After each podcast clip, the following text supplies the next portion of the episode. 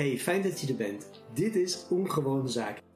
De podcast die is ontstaan tijdens de tweede lockdown hier in Nederland. Maar ook al is alles weer een klein beetje aan het verzoepelen, we gaan nog even door. Want dit is ook de plek waar zin en onzin bij elkaar komen.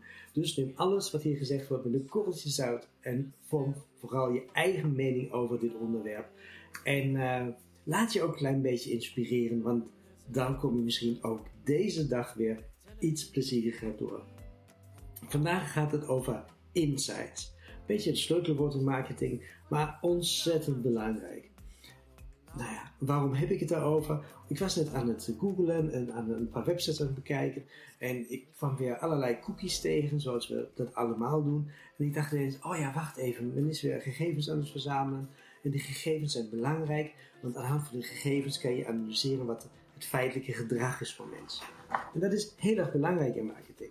Alleen de gegevens zeggen, nou, zeggen niet helemaal alles. En dat is uh, soms jammer. En daarom gaat echte insights en marketing vaak een stap verder dan alleen de gegevens. De gegevens zeggen je namelijk bijvoorbeeld van ik klik nu op deze link of ik kijk naar dit product of ik ga in deze volgorde door een bepaalde pagina heen om een transactie te kunnen doen. Ze zeggen dus eigenlijk de looproute en de feitelijke dingen die gebeuren. Maar wat ze niet zeggen is op een hele handige manier jouw intentie. Er zijn natuurlijk allerlei algoritmen die proberen je intenties te doorgronden, waardoor nog duidelijker wordt eigenlijk wie je bent en wat je motivatie is om iets te doen en uiteindelijk jou te helpen om je doel te bereiken. Maar, nou ja, als ik heel eerlijk ben, dan werken de meeste algoritmen natuurlijk nog helemaal niet zo heel erg goed. En wil ik misschien ook helemaal niet dat ik door algoritmen gevolgd word om überhaupt mijn intenties te kunnen achterhalen.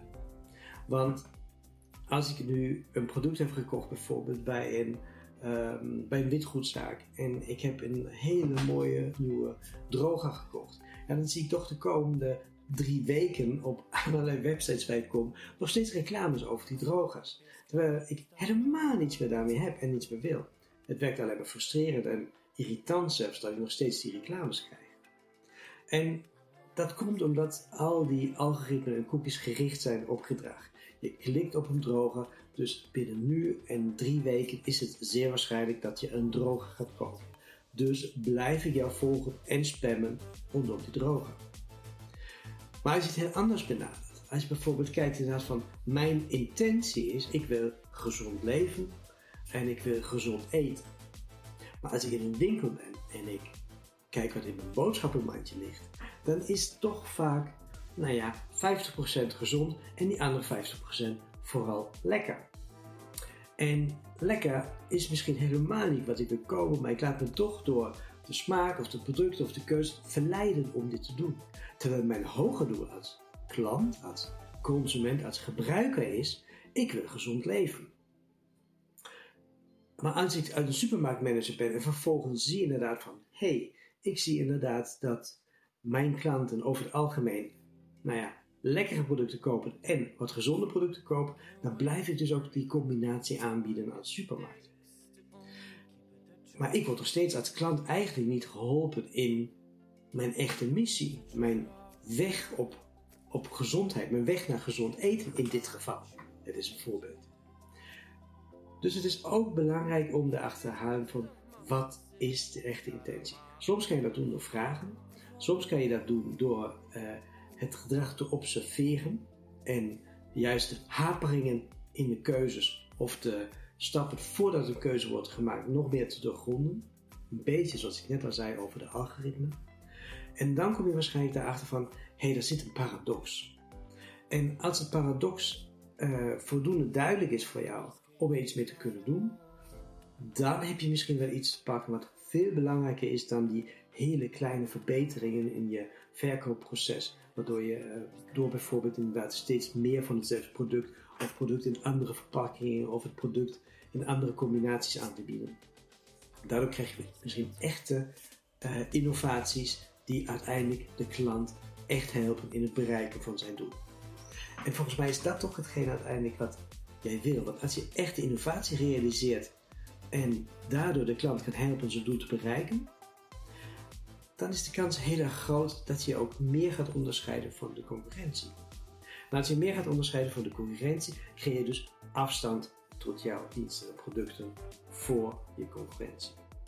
En spring je er meer bovenuit, waardoor je zichtbaarder wordt voor je klanten.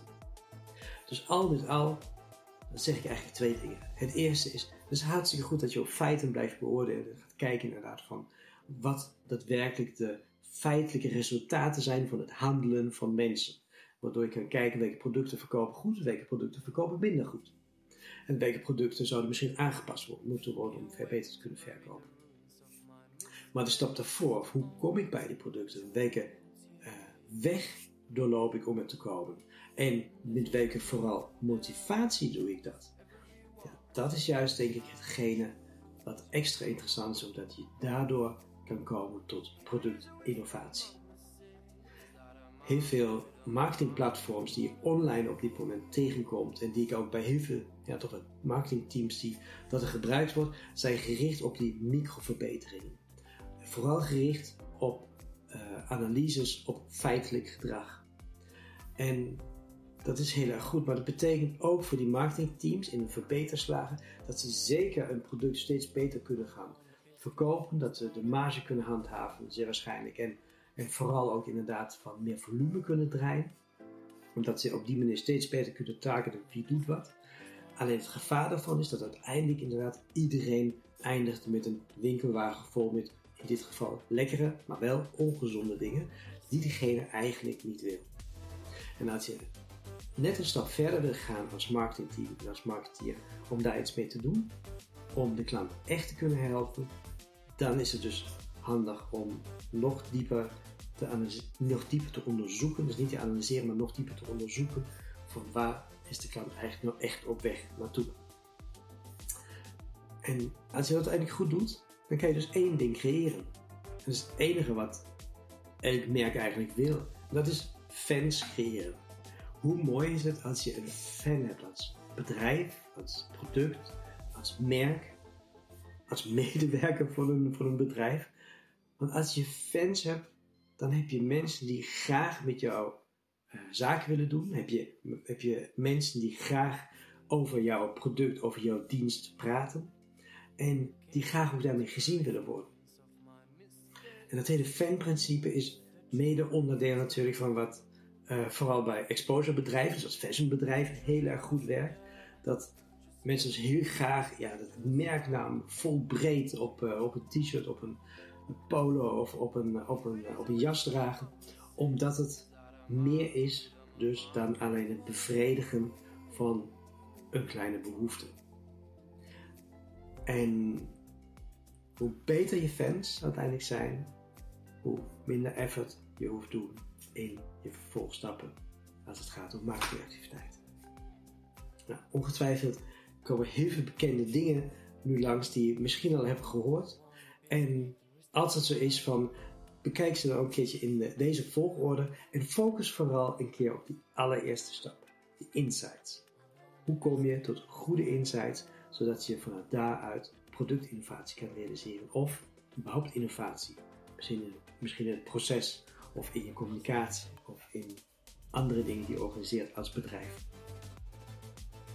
Ja, dat was eigenlijk voor nu. Een kort gedachtegang naar aanleiding van alweer wat cookies die ik uh, tegenkom op internet. En uh, dit keer ja, geen gezonde of ongezonde cookies, maar gewoon cookies. En, uh, en daar laat ik het even bij. Ik wens je een hele fijne dag.